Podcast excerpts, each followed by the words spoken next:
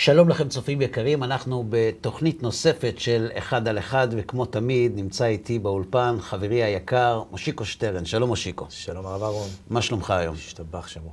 יופי. אה, איפה אנחנו עומדים ומהיכן אנו באים ולאן אנו הולכים? אתה יודע שצריך כבר לעשות כל... אה, כל, כל, כל תוכנית כזו מחדש זה רענון מהתוכנית הקודמת. כן, זה תקציר. לשמוע את, זה, כן. לשמוע את הסוף, להבין רגע מה קורה, כי אנחנו כבר כל כך הרבה אה, נושאים אה, עוסקים ודשים, וזה מעניין מאוד. אה, עצרנו אתמול, אה, אנחנו בסוגיית התורה שבעל פה, הגענו אה, לשלב שבו דיברנו על הסנהדרין, אה, ופה עצרנו בקטע מאוד מאוד מעניין. הסנהדרין, מי הם? אני זרקתי לך גם אתמול איזה תופין קטן ואמרת לי, תשמור אותו. נדבר על זה בהמשך, ואמרתי לך, מה, מה בעצם ההבדל? הרי הרוב קובע, וזה נשמע מאוד מאוד דומה להתנהלות המשפטית שלנו היום. זאת אומרת, מה רוצים מבג"ץ, נגיד, לצורך העניין, כי זה די נשמע אותו דבר. ואז אה, אמרת לי נדבר על זה, וגם זרקת לי משהו אחר כך, אחרי שסיימנו לצלם. אז נשארתי סקרן מאוד, מקווה שכבר היום אה, ניגע בנקודות האלה. בסדר. אנחנו עוסקים בסנהדרין, ויש סיבה למה צריך לעסוק בכל מוסד הסנהדרין. כפי שראינו בתוכנית הקודמת, הפירושים המחודשים, כלומר המציאות המתחדשת, אה, מציבה אה, בפתחו של איש ההלכה, שאדם שרוצה לקיים את רצון השם, שאלות שהוא צריך להתמודד איתן, תקדימים, תקדימים הלכתיים, הוא צריך לדעת מה לעשות. ומשה רבנו לא לימד את בני ישראל את כל התקדימים ההלכתיים שהעולם עתיד לחוות מבחינה רפואית, טכנולוגית, מוסרית ועוד הרבה מאוד דברים. והבאנו בתוכנית הקודמת את המקור לכך שהקדוש ברוך הוא אומר למשה להקים סנהדרין, ובתורה הוא גם מצווה אותו לומר לעם ישראל שכאשר יש ספק הולכים אצל הסנהדרין, וזה מה שכתוב, כי יפלא ממך דבר למשפט. נכון. עכשיו, דרך ההכרעה במוסד הסנהדרין זה אחרי רבים להטות. כלומר, מרימים יד, אחרי המשא ומתן ההלכתי, כל אחד אומר את דעתו, אה, חלק משתכנעים, חלק לא משתכנעים, ואז עושים הצבעה. והולכים אחר הרוב. עכשיו, כשאנחנו הולכים אחר הרוב, וזה עיקרון מאוד חשוב כדי שנוכל להתקדם, כשאנחנו הולכים אחר הרוב, זה לא כי אנחנו החלטנו מתוך הסדר חברתי שצריך איזושהי דרך הכרעה, אז נלך אחר הרוב. תגיד את זה, זה לא דמוקרטיה. ממש לא. אוקיי. הקדוש ברוך הוא כותב בתורה שהוא רוצה שאנחנו נעשה את מה שרוב חכמי הסנהדרין יכריעו. עכשיו, מה יקרה אם חכמי הסנהדרין של הדור הבא יחלקו על חכמי הסנהדרין של הדור הקודם? אז הם ישנו את ההחלטה? אז הם ישנו את ההחלטה. אגב, שאלת אותי ודחיתי ודחיתי ודחיתי, למה לא כתבו? למה לא כתבו? נכון. אני אשאל אותך שאלה. האם בעידן אה, טרום נדידת מספרי הסלולר, היה טעם אה, ל- ל- ל- ל- לכתוב ספר טלפונים עם טלפונים סלולריים? האמת שלא. אתה מחליף טלפון, אתה מחליף... אין טעם, נכון? משה רבנו פוסק, משה רבנו הוא בית דינו, פוסקים הלכה. מגיעים יהושע ובית דינו, דנים, פוסקים אחרת. טוב, אז יש קריטריונים שגדול בחוכמה ובמניין, ותלוי במה, לא בגזרות תקנות, דברים שהתורה נדרשת בהם, בסדר, זה כבר, זה כבר בפרטים הקטנים, לאנשי המקצוע, אבל ברמה העקרונית, יש אפשרות לבית דין מאוחר לחלוק על בית דין שקדם לו ולפסוק את ההלכה האחרת.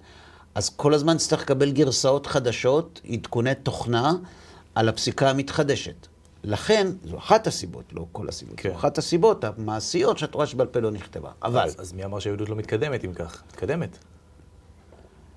אם זה עושה לך טוב, בסדר. אני, אני, אני, אני לא אוהב להתקדם, זאת אומרת, הטכנולוגיה לא מקדמת אותנו, היא עוזרת לנו יותר. אני מאוד אוהב דברים שעוזרים לנו, מאוד. כן.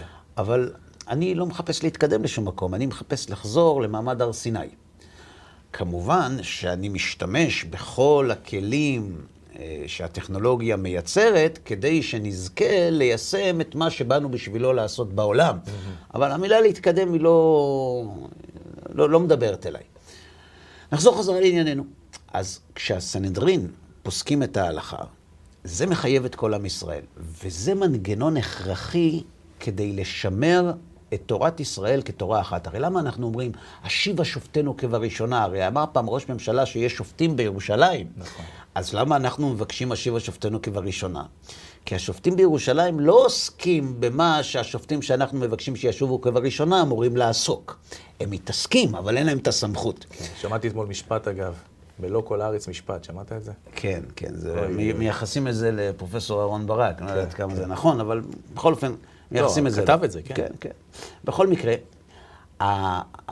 הסנהדרין, שאנחנו כל כך רוצים ש, שיקומו ויתחדשו, זה כי היום אנחנו נמצאים במצב בלתי אפשרי. אנחנו נעסוק בזה כשנתקדם הלאה. אנחנו נמצאים במצב של תקופת בית שמאי ובית הלל.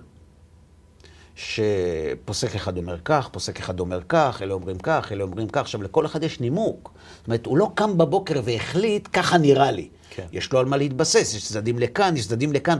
זהו המשא ומתן ההלכתי הקלאסי שהתנהל בתוך מוסד הסנהדרין. זאת אומרת, כש... לדוגמה, הרב אלישיב עליו השלום פוסק כך, והרב עובדיה יוסף עליו השלום פוסק כך, והרב שלמה זלמן אוירבך פוסק כך.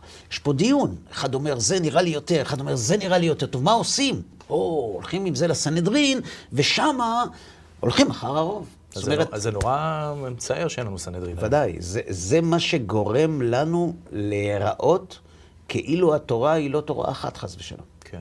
לכן, אי אפשר כמעט להתקיים מבחינה תורנית מסודרת ללא מוסד הסנהדרין. ולמה, השאלה, למה לא עושים את זה? למה לא מייצרים היום סנהדרין? הרי יש מועצת חכמי התורה, כל מיני, לא? כאילו, יש כן, מושגים כאלה. כן, ודאי, ודאי, לא, זה לא סנהדרין, אבל זאת אומרת, אתה צודק שניסו לעשות את זה. היה פולמוס גדול על השמיכה, ניסו לחדש את השמיכה בתקופת רבי יוסף קאו, רבי יעקב ברב, רבי משה חגי, זו הייתה מחלוקת מאוד גדולה. האם, האם אפשר ל, ל, ל, ל, לחדש את השמיכה או לא? האם צריכים את כל חכמי ישראל שבכל העולם? האם צריכים רק את החכמים שבארץ ישראל? האם צריכים לחכות לאליהו, שהוא יבוא ויתרץ קושיות ובעיות? הייתה מחלוקת מאוד גדולה בנושא. בפועל זה לא קרה. Mm-hmm. ואנחנו מאמינים בהשגחה פרטית, ואם זה לא קרה, כנראה זה לא היה אמור לקרות. אבל בואו בוא נחזור רגע לאחור לסן. מי הם הסנהדרין בכלל? מה, מה, מי הם האנשים האלה? מה הם? טוב, אז הם סמוכים איש מפי איש עד משה רבנו. מה הידע שלהם? אה, האם יש דרישות? האם צריך שיהיה להם מזג שיפוטי? זה נקרא היום. האם הם צריכים להיות סלע משפטי אובייקטיבי? זאת אומרת, מה הדרישות? ואיך נמנעים ממינויים אישיים. ממינויים, כן, אה, ודאי. זאת אומרת, מי הם? אז יש, יש לנו נתונים. ואני עשיתי קצת עבודה. Okay. אוקיי. אה, פשוט הדפסתי מהספר שלי. כי אני לא יכול לזכור את הכל. אז אני, אני, אני רוצה, קודם כל לגבי הידע, זה רמב"ם. לגבי הידע, יש רמב"ם, הרמב"ם כותב, מה צריך לדעת דיין בסנהדרין? אז חוץ מזה שהוא צריך לדעת את ההלכה, ואת המשנה, ואת התלמוד, ואת המסורת, ואת הקבלה, ואיש מפי איש, והלכה למשה מסיני, ופירושים מקובלים, וסברות, ודימוי מילתא למילתא, ושימוש תלמידי חכמים, וכל מה שצריך כדי להיות תלמיד חכם, שים לב, צריכים לדעת רפואה, חשבון, אסטרונומיה, אסטרולוגיה, כישוף. אגב, למה צריכים לדעת כישוף? כדי להתמודד מול כישוף? כדי לדעת האם אדם שהובא לפניהם והואשם לא. בכישוף, כן. אכן כישף, או אחז את העיניים למשל. Mm. צריך לדעת. ועוד הרבה, אה, עוד כל מיני סוגים של חומר. יותר ממקצועות הליבה. אה, סביר להניח. זאת אומרת, הם צריכים, הם צריכים ידע נרחב מאוד. עכשיו, מה לגבי האישיות שלהם? מה, מה צריך להיות המזג שלהם? הרי כתוב שיתרו אומר למשה רבנו, יראה אנשי חיל, כן, אנשי אמת, נכון. שונאי בצע וכולי. שיש להם כסף, גם צריכים להיות עשירים. אה, זה לפי העצה של יתרו, לא? לא, אז זה לא בטוח. שונאי בצע זה לא חייב להיות עשירים. שונא בצע זה שונא בצע. יכול להיות ללא ממון שונא בצע, ויכול להיות עם ממון ואוהב בצע. זאת אומרת, זה לא סותר אוקיי. את השני. צריך שיהא בכל אחד מהם שבעה דברים. ואלו הם חוכמה, וענווה, ויראה, ושנאת הממון, ואהבת האמת, ואהבת הבריות להם, ובעלי שם טוב. וכל אלו הדברים מפורשים הם בתורה. ובמה יהיו האהובים לבריות? בזמן שיהיו בעלי עין טובה, ונפש שפלה, וחברתן טובה, ודיבורן ומסען בנחת עם הבריות, גיבורים במצוות, ומדקדקים על עצמם, וכובשים את יצרם עד שלא יהיה להם שום גנאי ולא שם רע, ויהא פרקן נאה, שיהיה להם לב אמיץ להציל עשוק מיד עושקו. יראי אלוהים, שונאי בצע, אף ממון שלהם. אינם נבהלים עליו, ולא רודפים לקבץ הממון, שכל מי שהוא נבהל להון, חסר יבואנו. ואנשי אמת, שיהיו רודפים אחר הצדק מחמת עצמן בדעתם, אוהבים את האמת ושונאים את החמאס ובורחים מכל מיני העוול. עכשיו, איך בודקים דבר כזה? בלי צ'יפ סיני? אה, שאלה טובה, אבל קודם כל בואו נבין על מי מדובר. זאת אומרת, על כל, על כל פרמטר, על כל אה, אה, אה, משפט אחד כאן, על כל קריטריון, אפשר לנהל שיחה שלמה. נכון. אני רוצה לתת דוגמה, מה, מה זה אהבת האמת? אהבת האמת. זאת אומרת, לא כל אחד יבין את זה, אני אומר את זה גם למצלמה, לא כל אחד יבין את זה, אבל צריך לדעת שיש דברים כאלה.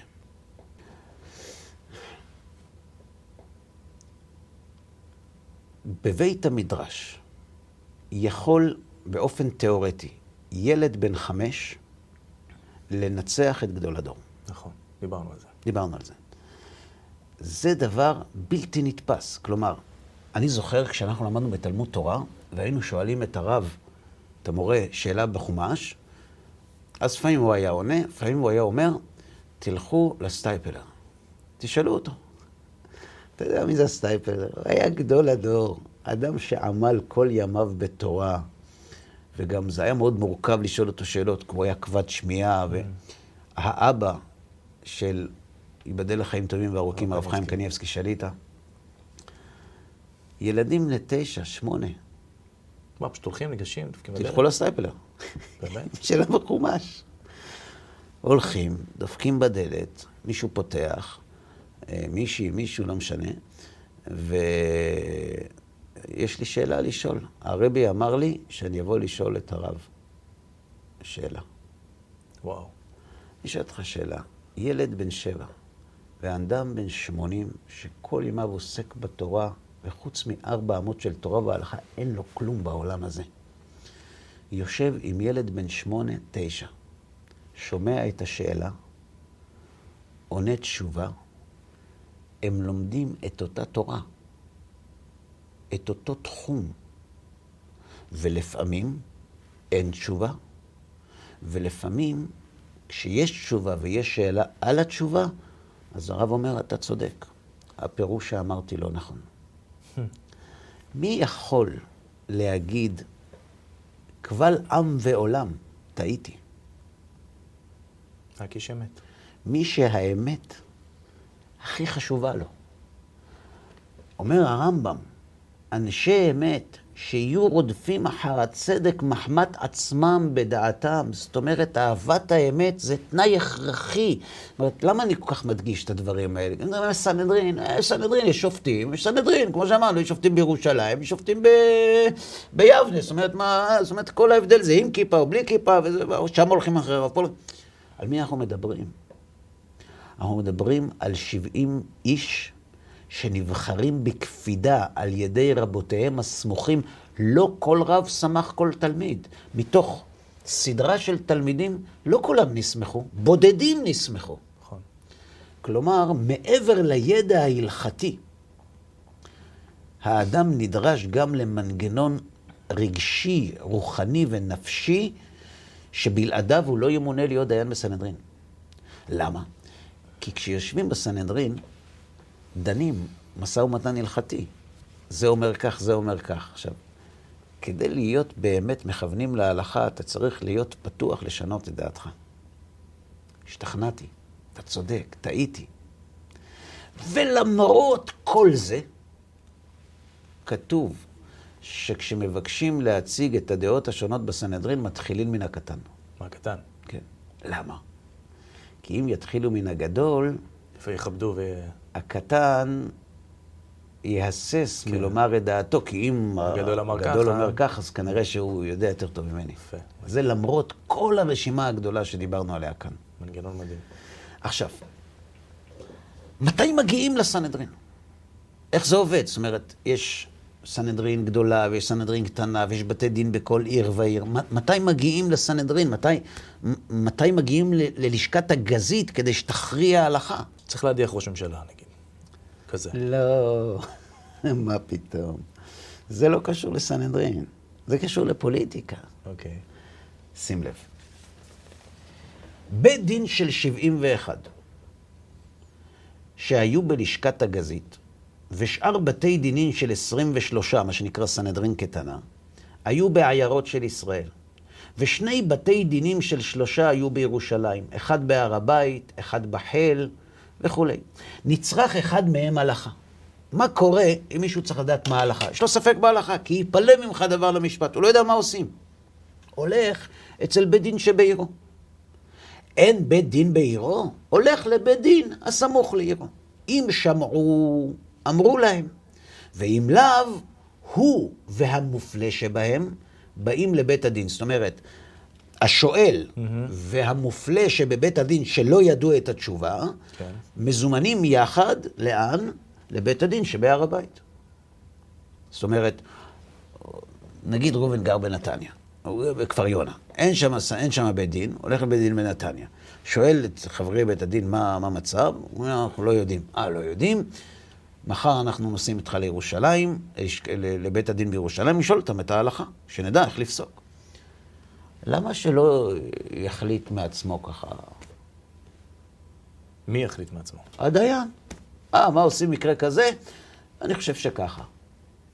כי אין דבר כזה, אני חושב שככה. אני חושב שככה צריך להיות מבוסס... על משהו, כן. על הלכה. כן. אנשים חושבים, כל רב ממציא מה שהוא רוצה. אין דבר כזה. כל מי שקצת למד תורה יודע שמי שמגיע עם טיעון שלא נסמך על סברות הלכתיות, מגלגלים אותו מכל המדרגות. אתן לך דוגמה. אומרים, אני זוכר פעם נפגשתי עם פרופסור איריס לוין, והיא דיברה איתי על איזה מחקר שהיא עשתה, ושאלתי איך, איך את מסבירה את המחקר הזה, לא, לא כאן המקום. במה היא עוסקת אבל? היא, היא הייתה מנהלת בית הספר לחינוך שליד האוניברסיטה בתל אביב. אוקיי. Okay. והיא עשתה מחקר על תלמידים חרדים, תלמידים בבתי ספר ממלכתיים, והיא גילתה תופעה מאוד מעניינת, שיש כושר הניתוח של תלמידים חרדים שלומדים גמרא, הוא משהו אחר לגמרי. לא ניכנס לזה כרגע. שאלת איך את מסבירה את זה. אז היא אמרה לי, תראה, פה זה כבר לא מחקר, פה זה סברה שלי. אצלכם, ככה היא אומרת, אצלכם לשון רבים, כמו דברים דתיים, אצלכם, למה שהרב אומר, יש ערך של קדושה. אז אתם לא רק לומדים ידע, אתם לומדים משהו קדוש. אמרתי לה, תראי, אני לא יודע באיזה ישיבה את למדת, אבל בישיבה שאני למדתי, כשהרב אומר משהו, הדבר הראשון שאנחנו רוצים לעשות זה להגיד למה הוא לא צודק. הוא נותן שיעור, שיעור כללי זה נקרא, הוא כותב לנו מראה מקומות יום לפני, שם על הלוח, שזה חמש דקות הראשונות לפחות נוקע לעקוב אחרי הראש שלו, ואנחנו באים למלחמה. הוא נותן מהלך הלכתי, פלפולי, לא משנה כרגע מה, ואנחנו, התפקיד שלנו זה למצוא סדקים במבנה הלוגי של הדברים שלו. זה, זה התפקיד שלנו. עכשיו, מאיפה לומדים את זה? מהגמרא לומדים את זה. כן. אני אשאל אותך, מושיקו.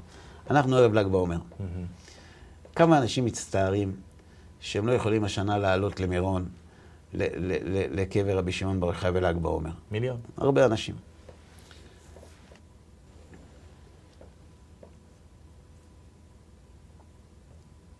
אם רבי שמעון בר יוחאי היה מגיע למטולה, היום.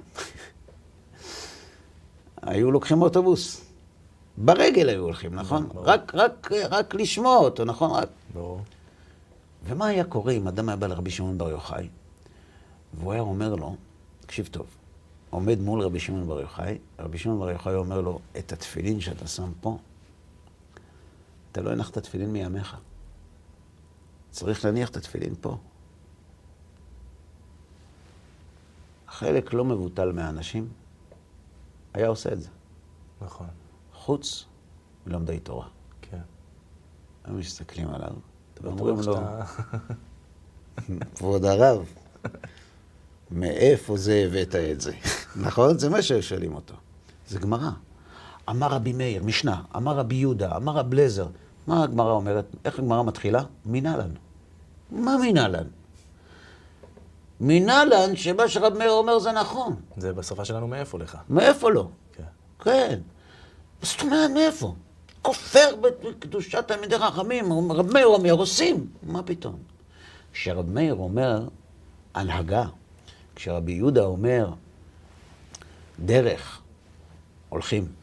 אבל כשרבי מאיר בא ומדבר בשם התורה, הדבר הראשון שאנחנו שואלים זה איפה זה כתוב בתורה. זאת אומרת, הטיעון הזה שרבנים ממציאים דברים, הוא קם בבוקר והוא החליט שזה לא מקובל עליו. זה לא, הוא לא חולק עליו. כל אחד עושה מה שהוא רוצה, גם אני מחליט. זה לא עובד ככה. כשיש מחלוקת בין שני פרשני חוק, בעולם האזרחי שלנו, בבית המשפט, יש, יש הרכב של 14 שופטים, 14 שופטים זה רק תמונת מחזור, או שצריך להדיח ראש הממשלה, 11 שופטים, אבל בדרך כלל זה פחות. נגיד שלושה שופטים. שיהיו שלושה שופטים, אחד אומר ככה, אחד אומר ככה. זאת אומרת, הוא, הוא, איך זה קרה לו? הוא קם בבוקר ונראה לו? ככה זה עובד? או שהוא מסתכל, לומד, תקדימי, עושה שיעורי בית, חוזר. זאת אומרת, לככה אני חושב, זה יפה בשוק. כשאתה נמצא בבית המשפט, ככה אני חושב, צריך להיות מעוגן במשהו.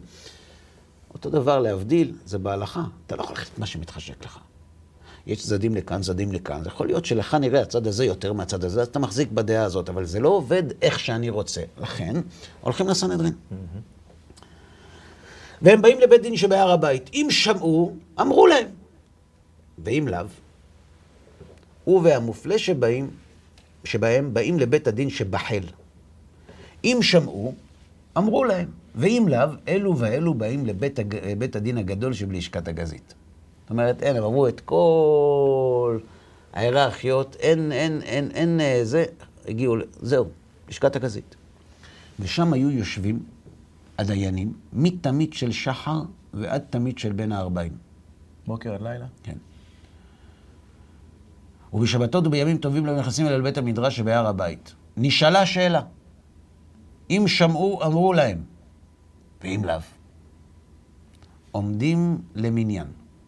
אם רבו המטמאים, טימאו, רבו המטהרים, תיארו, ומשם הלכה רווחת בישראל. משם הרוב. כלומר, יש פירמידה, יש סדר, לא חס ושלום כמו חסה עומד מאליו. אלה הסנהדרין, הם חכמי הסנהדרין שהתורה מינתה להכריע בדיוק בדברים האלה. מה יקרה אם יבוא מישהו, תלמיד חכם, כן. ויגיד להם, אתם טועים. אני חושב אחרת. הוא צריך לקבל דעת הרוב, לא? לא רוצה לקבל, אתם טועים. סנהדרין, מה זאת אומרת? קוראים לזה זקן ממרא. אה, נכון. כותב הרמב"ם, אבל זקן ממרא האמור בתורה, זה לא מישהו מהרחוב. חכם, כן. הוא חכם אחד מחכמי ישראל. זאת יכול להיות מחברי הסנהדרין. שיש בידו קבלה, זאת אומרת, הוא קיבל מרבותיו קבלה. שככה ההלכה, והוא לא מוכן להתפשר, כי ככה הוא למד מרבו. ודן ומורה, צריך לדקדק ברמב"ם, כן? כן? ודן ומורה בדברי תורה, כמו שידונו ויורו כל חכמי ישראל שבת למחלוקת בדין מדינים ובדין גדול, ולא חזר לדבריהם, אלא חלק עליהם והורה לעשות שלא כהוראתן, גזרה עליו התורה מיתה. הורגים אותו. הוא מתוודה. ויש לו חלק לעולם הבא, אף על פי שהוא דן והם דנים. הוא קיבל והם קיבלו, הרי התורה חלקה להם כבוד. ואם רצו בית דין למחול על כבודם ולהניחו, אינם יכולים. למה? כדי שלא ירבו מחלוקות בישראל. זאת אומרת, הרמב"ם מלמד אותנו שסמכות הרוב היא ליבת הכוח של חכמי הסנהדרין ושל אחדות התורה שלנו. עד כדי כך שאדם חכם, צדיק, יודע תורה ימינה ושמאלה, בא ומתווכח, פשוט גזר דין מוות. לא אדם יודע תורה, גדול הדור. כל אחד שידמיין על עצמו את גדול הדור. שמע, זה הזוי. למה? כי... כי הוא חכם רק כי דעתו אחרת. מי קובע את סדר הדין ואת סדר העונש במדינה דמוקרטית? החוק. החוק. מי קבע את החוק? אצלנו? כן. המחוקקים? המחוקקים. נציגי הרוב. Mm-hmm. והם החליטו שעל uh, פשעים מסוימים יש עונש מוות. פה בישראל? בטח. רק על אחד. בסדר, אבל הם קבעו את זה, נכון? למה? אבל זה אחד שכולנו נסכים עליו, אתה יודע, זה... למה? לא להרוג חכם יהודי? אני מדבר על החוק. עונש מוות. כן. למה? חומרת העונש בדרך כלל, בדרך כלל נגזרת מחומרת הנזק. כן. ככל שאתה מסכן יותר את המדינה, העונש על החטא הוא יותר גדול. זאת אומרת, זה משהו שהוא, אם אני מבין אותך נכון, כמו בוגד? אני לא אומר, אני לא, אין לי סמכות לחלק ציונים. אני רק אומר, עקרונות שאנחנו יכולים להסכים עליהם. כל אחד יעשה את החשבונות שלו לבד. כגודל החטא, גודל העונש, ככה זה בדרך כלל. נכון? מהו גודל החטא? לפי הנזק שהוא גורם לסביבה. עכשיו, יש לנו עיקרון. גדול המחטיאו יותר מן ההורגו. עכשיו, מי שפוגע בסמכות הסנהדרין, הוא בעצם אה, מבצע מתקפת סייבר כנגד ליבת העם היהודי. כי אם אין תורה אחת, הכל מתפזר. הכל מתפזר. ולכן אנחנו יכולים לראות בתלמוד, תקופת התנאים יותר נכון, במשנה, והרחבה בתלמוד, על כמה התנגשויות שהיו בסמכות הרוב, ועל התגובות הקיצוניות שנשיאי ישראל נהגו בהם כדי להגן על סמכות הרוב. עד כדי מוות עשו את זה? לא. לא. אבל אה, זה היה חמור מאוד. אוקיי, איפה נכנסת פה המידת ויתור הזאת? למה הם ויתרו על המוות? הרי כתוב. כי הוא לא היה זקן ממרא. היה ויכוח, הוא לא הסכים, אבל הוא לא הורה כנגדם. זאת אומרת, יש הבדל, וזה אמרתי לך, זה ההבדל בלשון של הרמב"ם, יש הבדל בין תלמיד חכם ומשמע. אני קיבלתי מרבותיי ככה, לא מעניין אותי מה שאתם אומרים. אני ממשיך ללמד את מה שרבותיי אמרו לי גם אחרי שפסקתם. פותח סניף. זה זקן ממרא. אבל מי שבאים ללמד אותו, מי שבאים אליו, אחרי שבית הדין פסק, הוא אומר, תראו, הסנהדרין פסקו ככה, וככה אתם צריכים לעשות. אני קיבלתי מרבותיי ככה, אבל אני לכם לא מורה לעשות ככה, לכם אני מורה לעשות כמו הסנהדרין, הוא לא זקן ממרא. אבל, אנחנו אתן לך דוגמה. אתן לך דוגמה. הנה, יש לי פה שלוש דוגמאות, נעשה את זה בקצר, בסדר? היה ויכוח לגבי מתי קובעים את יום כיפור, ראש השנה ויום כיפור. אם מעברים או לא מעברים את החודש, היה ויכוח. בין מי למי, רבן גמליאל פסק, רבן גמליאל היה נשיא הסנהדרין, כן. נשיא ישראל, כן. ורבי יהושע בן חנניה, שהיה חכם מאוד ואהוב מאוד על עם ישראל, כי הוא נלחם את מלחמות עם ישראל מול חכמי אתונה, והוא היה גם חכם מאוד, הגמרא מלאה בסיפורים עליו. הוא היה חברו של רבי אליעזר בן הורקנוס, כן? חיו בתקופת החורבן. ורבי יהושע בן חנניה, לפי החשבונות שלו, לא יכול להיות. הוא עשה את החשבונות שלו, אומר, שמע, זה לא יכול להיות. לא יכול להיות שזה ראש חודש היום. זה לא יכול להיות. שלח לו רבן גמליאל. שמעתי שאתה לא מסכים. גוזרני עליך, מסכת ראש השנה. גוזרני עליך שתבוא אצלי במקלך ובמעותיך ביום הכיפורים שחל להיות בחשבונך. אצלך יום כיפור יוצא יום לפני? בוא. ביום הזה אני רוצה שתבוא אלינו. עם הכסף שלך בכיס, ועם המחשב נייד, ועם הכול. הלך ומצאו רבי עקיבא מצר. רבי עקיבא היה תלמיד של רבי יהושע בן חנניה. אמר לו, למה אתה מצטער? הוא אומר לי, תשמע, כך אמר לי הנשיא לעשות. ואני יודע שזה לא נכון. אז הוא מלמד אותו, אומר לו, יש לי ללמד שכל מה שעשה רבן גמליאל עשוי. מה שרבן גמליאל אומר, ככה צריך לעשות, כי כתוב, אלה מועדי השם שתקראו אותם במועדם, בין בזמנם, בין שלא בזמנם. בסדר? לא משנה כרגע מה הלימוד שהוא לימד אותו. לא, לא הסכים, לא, לא קיבל רבי יהושע בן חנניה מרבי עקיבא תלמידו, לא קיבל את הסברה, הלך לרבי דוסה בן ארקינס. רבי דוסה בן ארקינס היה זקן חכמי הדור, הוא היה בא בימים זקן מופלג. אמר לו רבי דוסה בן ארקינס, אם באים אנו לדון אחר בית דינו של רבן גמליאל, צריכים אנו לדון אחר כל בית דין ובית דין שיעמוד מימות משה ועד עכשיו. אם אתה לא מקבל את סמכות הרוב, אם היית חי בתקופת משה, גם לא היית מקבל את סמכות הרוב. כן. ועל תקופת משה כתוב בתורה, אחרי רבים להטות. אז גם היום אתה צריך לקיים את החלטת הרוב. במילים אחרות, אתה פותח פה תיבת פנדורה, אנחנו נצטרך ללכת אחורה בזמן. זה לא תיבת פנדורה. אם אתה כופר בסמכות של אלה שהקדוש לא, ברוך הוא אם נתן... אנחנו מסכימים איתך בכפירה הזאת, או נותנים לך בעצם אה, לחלוק עלינו, או לעשות אחרת. אתה עובר על דברי תורה. בדיוק. אתה עובר על דברי תורה, אתה עובר על מה שכתוב בתורה. כי אם היית חי בתקופת משה, גם לא היית מסכים איתו. עכשיו תראה מה קרה. נטל מקלו ומעותיו בידו, והלך ליבנה אצל רבן גמליאל ביום שחל יום הכיפורים להיות בחשבונו. זה נקרא אהבת האמת. עמד רבן גמליאל ונשקו על ראשו. אמר לו, בוא בשלום, רבי ותלמידי. איך יכול להיות? רבי בחוכמה, ותלמידי שקיבלת את דבריי. אתה יודע מה אומר כאן רבן גמליאל? אני לא יותר חכם ממך. כן. אתה יותר חכם ממני, כולם יודעים שאתה יותר חכם ממני. אבל אני נשיא הסנהדרין. וכנשיא סנהדרין, זה לא קשור כמה אתה חכם וכמה אני חכם. מופקדת בידי סמכות הרוב, וזה שאתה כופפת את עצמך למרות חוכמתך מול סמכות הרוב, בוא בשלום רבי. למה? כי כל עם ישראל למד ממך שסמכות הרוב של הסנהדרין היא הדבר החשוב ביותר. וואו. דוגמה אחת. יש עוד שתי דוגמאות.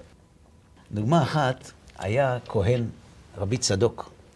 אנחנו יודעים שכשנולד בכור, נולד בכור, אה, כן, כבש, כן, אז, אז אה, פטר. צריך להקריב אותו. כן. עכשיו, מה קורה אם נפל בו מום? אם נפל בו מום, אז אי אפשר להקריב אותו. הוא שייך לכהנים, הם יכולים גם לאכול אותו, גם למכור אותו, זאת מזה ביזנס. קרה שהיו כהנים שהכסף קרץ להם, אז נהיה להם מום. ואז יש להם יותר בהמות למכור. אז תקנו חכמים שלא יהיה הכהן נאמן על מום שנפל בבכור בשוגג, אלא אם כן הוא מביא עדים. צריך בקרה. בקרה, כן, מנגנון פיקוח. עכשיו, רבי צדוק היה צדיק גדול, תמיד חכם עצום, והוא בא לרבי יהושע. זה שבא במקל שלו ביום כיפור. הוא בא לרבי יהושע, הוא אומר לו, תשמע, יש לי שאלה. אני האכלתי את הבכור, האכלתי אותו שעורים, ונפצע לו, השפה נפצעה.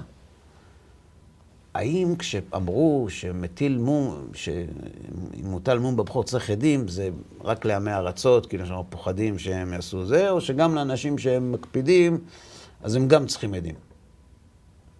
כלומר, האם אני צריך להביא עדים? כן, כן, כן. אמר לו, לא, אתה לא צריך. זה רק ל... טוב. הלך לרבן גמליאל. אמר לו, מה קורה אם נפל מום בבכור ואתה בשוגג, צריך עדים, כולם או רק... אה, אמר לו כן. אמר לו, כולם צריכים. אמר לו, רבי יהושע אמר לי שלא צריך. אמר לו, תחכה פה עד שיבואו כל החכמים. באים כל החכמים, רבי יהושע מגיע, רבי יהושע היה אב בית הדין, הוא היה נשיא. ואז הוא שואל, אה, מה, שואל רבן גמליאל, אה, מה הדין של כך וכך, האם חילקו או לא חילקו? כולם אומרים לא חילקו, אותו דבר לכולם. מסתכל רבי יהושע, הוא לא מגיב. אומר לו, מה אתה אומר, חילקו או לא חילקו? הוא אומר, "אה, לא, לא, לא, לא חילקו. אומר לו רבן גמליאל רבי יהושע, אבל לא משמך אמרו לי שאמרת ככה וככה. אומר לו רבי יהושע, אין החי מכחיש את החי. אם אמרו לך שככה אני אמרתי, אני לא יכול להגיד אחרת. ואמר לו לעמוד, לרבי יהושע. גדול הדור, תעמוד לפני כולם. והוא עומד ורבן גמליאל מלמד תורה. אז ילדים, או כאלה מבוגרים שהם כמו ילדים בתורה, יגידו, אתה רואה, יש פה מאבק כוחות, יש פוזיציה, יש קואליציה, נכון? אנחנו חושבים שכל העולם פוליטיקה. כן. יש פה ויכוח יסודי על סמכותו של הרוב. איך אתה מורה למישהו ממה שאחר שפסק סנהדרין? אז בספר הרחבתי גם, אז משהו, אז מה באמת הייתה הסברה של רבי יהושע? נכון. זה, נעסוק בזה, זה בית שמאי, זה בית הלל, הנהגה של שמאי, הנהגה של הלל. למשל, כתוב בפרקי אבות, שמאי אומר, עשה תורתך קבע. מה זה עשה תורתך קבע? מה שאתה דורש מעצמך, תדרוש מאחרים. הלל לא ככה. לכן, כשהגוי בא אצל שמאי ואמר לו, אני רוצה את כל התורה על רגל אחת, הוא אומר לו, אני אין אצלי רגל אחת, אני אצלי הכל שני רגליים. הוא אומר לו, טוב, אבל אני לא רב, אני גוי. הוא אומר לו, אצלי אין הבדל. כולם כמוני, אני כמו כולם. אבל הלל, יש לו מנהג אחר. הוא לעצמו מחמיר, לאחרים מקל. תלך אליו, הוא ימצא לך תורה על רגל אחת. זאת אומרת, הייתה מנהג, הייתה הנהגה שרבן גמליאל, למרות שהוא היה מצאצאי הלל, שהיה מחמיר על עצמו כבית שמאי, בהרבה דברים. אז היה ביניהם ויכוח, לא משנה. המקרה הנוסף היה לגבי תפילת ערבית. היה תלמיד אחד, קראו לו רבי שמעון בר יוחאי. הוא היה תלמיד. והוא בא לרבי יהושע ושאל אותו אם תפילת ערבית רשות או חובה. עכשיו, רב, רב, רבי שמעון בר יוחאי הוא דוגמה למי שכששואלים אם צריך להפסיק ללמוד תורה כי הגיע זמן תפילה, אז זה תלוי אם כמו רבי שמעון בר יוחאי או לא. אז הוא בא לשאול אותו אם תפילת ערבית היא רשות או שחייבים. אמר לו רשות. הלך לרבן גמליאל. אמר לו רשות או חובה? אמר לו חובה. אמר לו, משמך אמרו, אה, רבי יהושע אמר לי ש... שרשות. אמר, תחכה פה, שיבואו כל החכמים, וחוזר על עצמו. ואז עוד פעם העמיד אותו. ואז חכמי ישראל אמרו, אפשר ככה. כן, באתי לשאול את השאלה הזו, זה... כן. איך הם הסתדרו, החבר'ה האלה? תראה מה שכתוב כאן.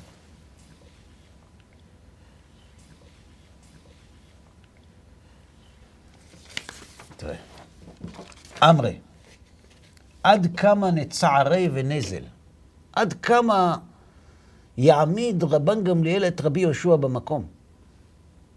בראש השנה אשתקד צערי. שאמר לו לבוא במקלו מאותיו. בבכורות מעשה דרבי צדוק, צערי, אמר לו לעמוד. אך אנא מן צערי, תא ונעברי. צריך להעביר אותו מהנשיאות. את רבן גמליאל. כן. מנוקים, את מי נשים במקומו? רבי יהושע. רבי יהושע, בעל מעשהו. Mm. אי אפשר. הוא נוגע בדבר. נוקמל רבי עקיבא? רבי עקיבא. כן. לא. למה? דילמה ענישלי. ואולי בגלל הקפדה שרבן גמליאל מהצער שלו, שהעביר אותו מנשיאותו, רבי עקיבא ייפגע. יקרה לו משהו. למה? דלת לזכות אבות. רבי עקיבא היה בן גרים. אין לו זכות אבות. וכשאתה חשוף עומד... חשוף יותר. בדיוק. חשוף יותר לצער של רבן גמליאל. אלא נוק מרב לזר בן עזריה. והוא חכם, והוא עשיר, והוא עשירי לעזרא. בסדר? אוקיי. Okay. ואז העבירו את רבן גמליאל מנשיאותו. אז אפשר לשאול, למה העבירו אותו מנשיאותו? הרי הוא נאמן לעקרון הרוב, והוא לחץ על עקרון הרוב, כי יש גם צד שני. אבל אם תבדוק, אחרי כל הסיפור הזה שקרה בין רבן גמליאל לרבי יהושע, תפתח את הגמרא במסכת בבא מציע בדף נ"ט, ותקרא את הסיפור של תנור של אחנאי, שזה בעצם שחזור של שלושת האירועים המתנגשים בין רבן גמליאל לרבי יהושע. והפעם, מי מנהל את הדיון נגד רבי אליעזר, ומחזיק בסמכות הרוב, וקנאי לה לא פחות? מי? רבי יהושע. רבי יהושע, שהתווכח עם רבן גמליאל שלוש פעמים, הוא זה שעכשיו עומד מול רב לזר ואומר לו, לא בשמיים היא, אחרי רבים להטות הרוב אצלנו וכך צריך לנהוג. זאת אומרת, אתה רואה שהסמכות של הרוב היא נחוצה מאוד כדי להעביר לדור הבא תורה שלמה. אז למה בכל זאת עשו את הדבר הזה? למה, למה הפילו אותו מתפקידו? אחרי זה החזירו אותו. החזירו אותו לנשיאות. אוקיי. Okay. אז, אז באמת בספר, אני לא, לא רוצה לקדם לעצמי מכירות, אבל בספר הרחבתי בזה מאוד, הבאתי מקורות, לכל, שום דבר לא מהדברים שלי כמובן, הבאתי מקורות כדי להסביר את הדברים. אז אנחנו רואים שיש אה, אה, אה, נאמנות לסמכות הרוב כדי שלא יקרה מצב שהתורה תהפוך לשתי תורות.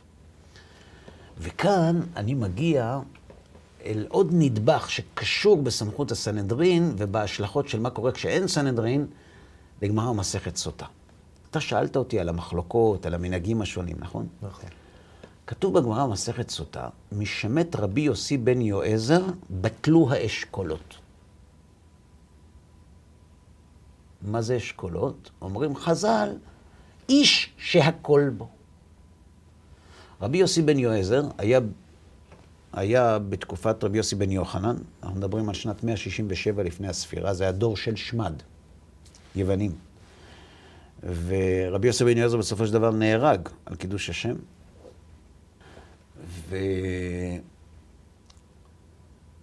וכותב רש"י, עד דורו של רבי יוסי בן יועזר היו לומדים תורה כנתינתה מסיני. ולא הייתה מחלוקת בישראל. ומתקופתו של רבי יוסי בן יועזר נוצרו מחלוקות. הופה. פה זה מתחיל. כן. אז אני אמרתי לך בתוכנית הקודמת שאין מחלוקות פירושים מקובלים, רק פירושים מחודשים. אז מה קרה עכשיו שאתה אומר לי עד אז למדו כתורה מסיני ופתאום נהיו מחלוקות ומשהו התבלבל, אולי בגלל דורו של שמד? לא למדו מספיק, נכון? נכון. תשובה. לא יכול להיות שזה הפירוש. למה? כי רש"י, שהוא פרשן התלמוד, הכיר את התלמוד שהוא פירש או לא הכיר? מן הסתם. מן הסתם הכיר. איך יכול להיות שרש"י יגיד שעד תקופת רבי יוסי בן יועזר לא היו מחלוקות בהלכה, כשרש"י עצמו מפרש גמרות מפורשות שאומרות שהיו מחלוקות לפני כן? למשל, בתקופת דוד המלך, המקדש במלווה, מקודשת או לא, טמון באש, עמוני ולא עמונית, בדינו של שמואל, בדינו של שאול, בדינו של דוד, היו מחלוקות. אז איך רש"י אומר שעד תקופת רבי יוסי בן יועזר לא היה מחלוקות, רבי יוסי בן יועזר חי בית שני? תשובה, וזה קשור לסנהדרין. עד דורו של רבי יוסי בן יועזר לא היה מקרה של ספק שנתחדש שלא הוכרע בדור שבו הוא נוצר. זאת אומרת, כל סנהדרין שהעבירה את המושכות, את ההנהגה, הסנהדרין שאחריה, לא השאירה קצוות. לא השאירה שולחן, איך אומרים? לא נקי. כן. סגרו את כל התיקים. בתקופת רבי יוסי בן יועזר זו הייתה מחלוקת לגבי סמיכת קורבנות ביום טוב. זו הייתה הפעם הראשונה שנוצרה מחלוקת בהלכה עקב תקנות מוקצה שנוצרו לפניהם, שלא היו בתקופת משה רבנו, נוצרה מחלוקת ולא הוכרע. זה מסמנים חז"ל את התקופה הזאת כתקופה שהיא סיום של תקופה. עד רבי יוסי בן יועזר, איש שהכל בו, איש אשכולות. זהו, זה כבר לא ככה. יש תקדים היסטורי. סנהדרין התפזרה ולא הייתה הכרעה על שאלה שעלתה בפני הסנהדרין. עכשיו, למה זה קרה? בגלל שהיוונים פיזרו את הסנהדרין לסנהדראות אזוריות mm-hmm. כדי להחליש את הסמכות שלהם, mm-hmm. כדי שלא כן, יהיה כן. מרד בסופו של דבר כמו שקרה. ולכן גם התקופה הזאת, כמו תקופת בית שמאי ובית הלל, אלו תקופות שרבו בהן המחלוקות. למרות זאת, מתקופת רבי יוסי בן יועזר עד תקופת שמאי והלל, כמה מחלוקות נהיו? וואלה. ארבע. ארבע מחלוקות. למה? כי עדיין הייתה סנהדרין. אז לא תתקיים פה, תיכנס כאן, אבל בסופו של דבר כן, הוכרעו. כן. הסנהדרין ביבנה של רבן גמליאל, זאת שהוא היה כל כך קנאי לסמכות הרוב שלה, היא זו שייחדה את הפסיקה ההלכתית הלכה כבית הלל. כך נפסקה ההלכה עד היום. עד היום. לכן, אם הייתה היום סנהדרין, אם הייתה היום סנהדרין, היא הייתה מתכנסת, מביאים את כל השאלות ההלכתיות, דנים, מפלפלים, מציגים את הדעות השונות ומכריעים את ההלכה. לכן אנחנו מבקשים, אשיבה שופטנו כבראשונה ויוצאנו כבתחילה. לאור הדברים האלה, ברור לגמרי עד כמה ריקה מתוכן הטענה של הקראים והטענה של השומרונים, ולהבדיל, הטענה של הרפורמים והקונסרבטיבים, שאנחנו לא מחויבים, כן מחויבים. התורה מן השמיים. הקדוש ברוך הוא נתן סמכות לסנהדרין להכריע בין דם לדם, בין דין לנין, בין נגע לנגע, דברי יראות בשעריך, הולכים אחרי הרוב. בסדר, אז היום כרגע אין, אין לנו את סנהדרין, אבל מחויבים לסנהדרין. ברגע שאנחנו אומרים כן, זה לא שאני, נראה לי ככה. אין דבר כזה נראה לי, אתה צריך לעגן את זה בחוק קדום יותר, בתקדים משפטי קודם. אתה לא יכול לבוא ולהגיד, אני חושב שאפשר לבטל את זה. אתה לא יכול. אנחנו יודעים למשל, ש... אה, תוקנה תקנה, לפני 200 שנה, 500 שנה, 1,000 שנה, והיום הטעם שבגללה תוקנה התקנה כבר לא קיים. כן. אנחנו לא מבטלים אותו. למה? נדבר על זה בתוכנית הבאה בעזרת השם. אולי, אם ירצה השם. אבל אנחנו לא מבטלים. יום טוב שני של גלויות, לא מבטלים. אפשר כבר. לא מבטלים. זו דוגמה. יש איסור לקחת תרופה בשבת. לא מדבר על אדם שהוא חולה שיש בו כן. סכנה. הוא כואב לו קצת הראש, לא יכול לקחת אה, סתם כדור, וזה כן. לא, אסור. למה? גזרה משום שחיקת סממנים. שלא יטחון את התרופה, ובשביל התרופה. שיקרא את התרופה, ולטחון זה, זה, זה, כן, זה דאורייתא. כן, כן. מי טוחן? שותים. מה טוחן? היום אין, אין, יש תחנת קמח רק בהולנד. אין, מי טוחן היום תרופות? בטל טעם. למה לא בטלה תקנה? גם בזה צריך לדון. כן. אני אגיד לך משהו. אפשר לשאול כל שאלה. השאלה מאיפה אתה שואל אותה. האם אתה שואל אותה מתוך בית המדרש, או האם אתה שואל אותה מחוץ לבית המדרש? האם אתה שואל אותה מבפנים, או האם אתה שואל אותה כחוקר מבחוץ שצריך לחשוב מה הוא אומר? היו לאורך ההיסטוריה אנשים ששאלו את אותן שאלות. אחד, אין בית מדרש שהספרים שלו לא נמצאים שם, והשני, נמחה שמו מישראל. למה? אתה יכול לשאול הכל. השאלה מאיפה אתה שואל, מבחוץ או מבפנים. כשאתה אומר, שמע, אני, יש לי קושייה, אז רגע, אז למה הסנהדרין, למה ככה, ולמה למה בטלתם לא בטלה תקנה? אני חושב שאפשר לבטל, בוא נבדוק. נסביר, נראה. אבל השאלה מאיפה אתה, מאיפה אתה בא לשאול את מה השאלה. המניע? בדיוק. לכן היה חשוב כל כך להציג את המבנה הזה של הסנהדרין ואת הסמכות של הרוב, כדי שנבין עד כמה המצב שלנו היום הוא לא מצב אידיאלי. בעייתי מאוד. הכי בעייתי שיש. גם יותר מזה קפץ לי שבאותו הרגע ששמת את הספוט הזה, הנקודה הזו שבה אה, בגמרא מדובר על כך שבטלו אנשי האשכולות, זה בסמוך לשנאת החינם של בית שני, לא? לא. לא? זה לא. אנחנו מדברים 167 לפני הספירה, ופה אנחנו מדברים על 70 לספירה. זה, זה חתיכת זמן, אבל זה לא משנה. זה לא קשור אחד בשני? זה לא... לא. לא קשור. המחלוקות האלה לא יכלו לגרום בעתיד ל... המחלוקות האלה הן מחלוקות הלכתיות. אני אתן לך דוגמה. הייתה מחלוקת חריפה מאוד בין בית שמאי לבית הלל בנושא צרת הבת. בסדר, לא ניכנס כרגע מה זה בדיוק צרת הבת, אבל זה, זה נושאים של ממזרות, של עריות, ש, שהוולד יכול... כן. הייתה מחלוקת מאוד קשה, מאוד קשה. עד כדי כך שבאו לרבי יהושע בן חנניה לשאול אותו, צרת הבת מהי? כאילו, מה, מה שמעת? אז הוא אמר להם, בית שמאי אומרים כך, בית הלל אומרים כך. אומרים להם, ואתה מה אומר? אומר להם, אני אכניס את עצמי בין שני ערים, לא... לא נכנס לזה. זאת אומרת, זו, זו הייתה מחלוקת ידועה. ולמרות זאת, לא נמנעו בית שמאי ובית הלל מלהשיא נשים אלו לאלו. מה זאת אומרת? הם מתחתנים. אז איך הם מתחתנים? אתה אומר, זה אסור, זה מותר? משמע. יש לי שידוך של הבת שעה, הבן של אה, ההוא מבית שמאי. ומה לגבי צרת הבת, אה, הם, הם בסדר בעניין הזה? אין בעיה. זאת אומרת, אנחנו לא פוסקים כמוך, אבל אנחנו נגיד לך אם הבת שלך יכולה להתחתן איתו לפי שיטתך. לא נמנעו. זה לא שנאת חינם. השנאת חינם באה מאוחר יותר, לפני החורבן. ממש לפני החורבן. אבל בית שמאי ובית הלל, בית שמאי ובית הלל, היו מחלוקות, מחלוקות קשות היו, אבל עדיין מתוך אהבת האמת. עכשיו, כשפסקו הלכה כבית הלל, מה עשו בית שמאי? כבית הלל. כבית הלל. זאת אומרת, אחרי כל המלחמה, בית הלל. למה? כי בית שמאי רוצים לעשות את רצון השם. ולכן הם אומרים לבית הלל, אתם טועים, אנחנו צודקים. אבל אם הסנהדרין קבע הלכה כבית הלל, נגמר הסיפור. אז בית שמאי יודעים מה השם רוצה. אחרי רבים להטות. אז הם ישרים את דעתם, כי כולם רוצים לעשות את רצון השם. לכן יכול לעמוד הסטייפלר מול ילד בן תשע, אגיד לו, אתה צודק. אני בישיבה נתקלתי בזה.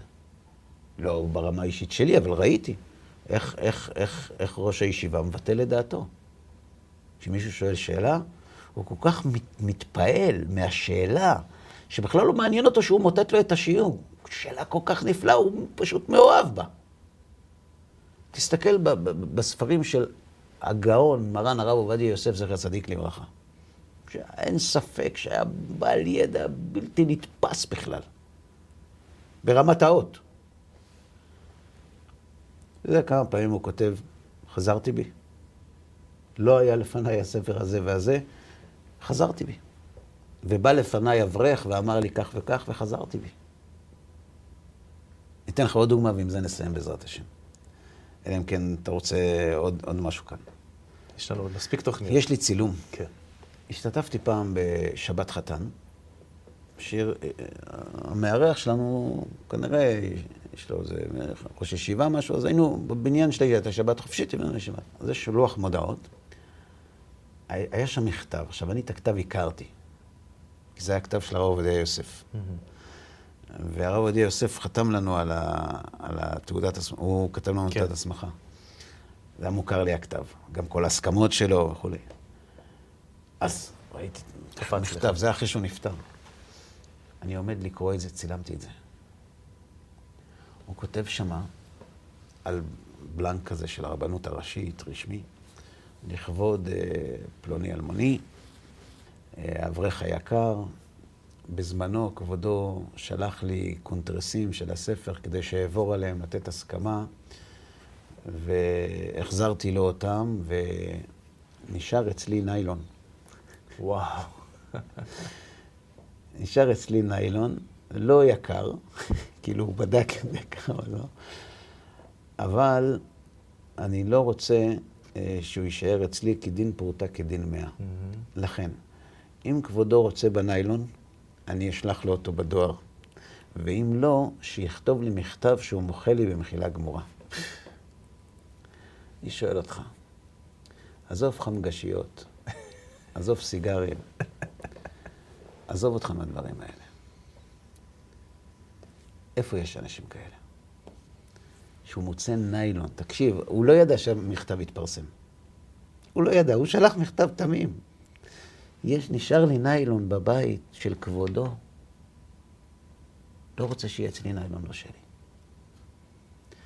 אדם כזה, שנזהר עד כדי כך בממון הזולת, זה רק איש שהזולת עומד לפניו כשהוא פוסק את ההלכה. זה רק איש שהאמת היא הדבר היחיד שחשוב לו. מדהים. וזה לא הסנהדרין. זה גדולי ישראל שחיים בדורנו. אנחנו מדברים על סנהדרין שחיו בימי המקדש, בימי בית שני ולפני כן. ועשית ככל אשר יורוך, לא תסור מכל אשר יגידו לך ימין ושמאל. למה?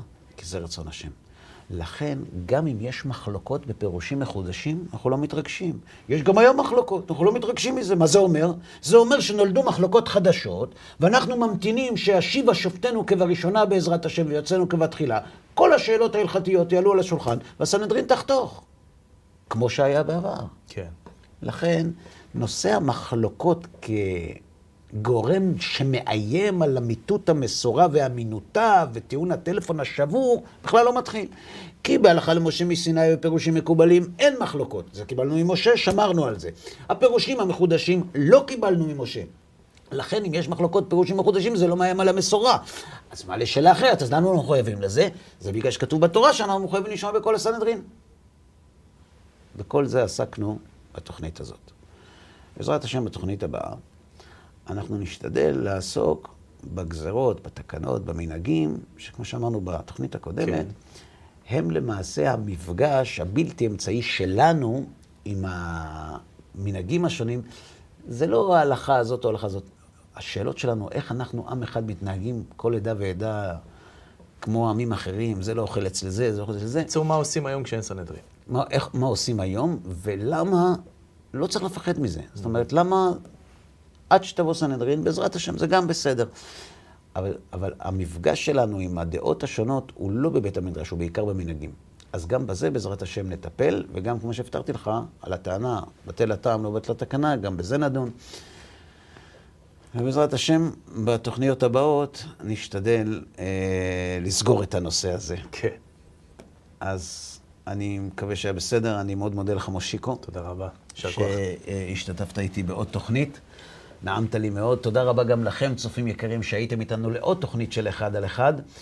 אה, אנחנו מקווים שנהניתם, שהדברים יהיו לתועלת, ובעזרת השם ניפגש בתוכניות הבאות. כל טוב לכם.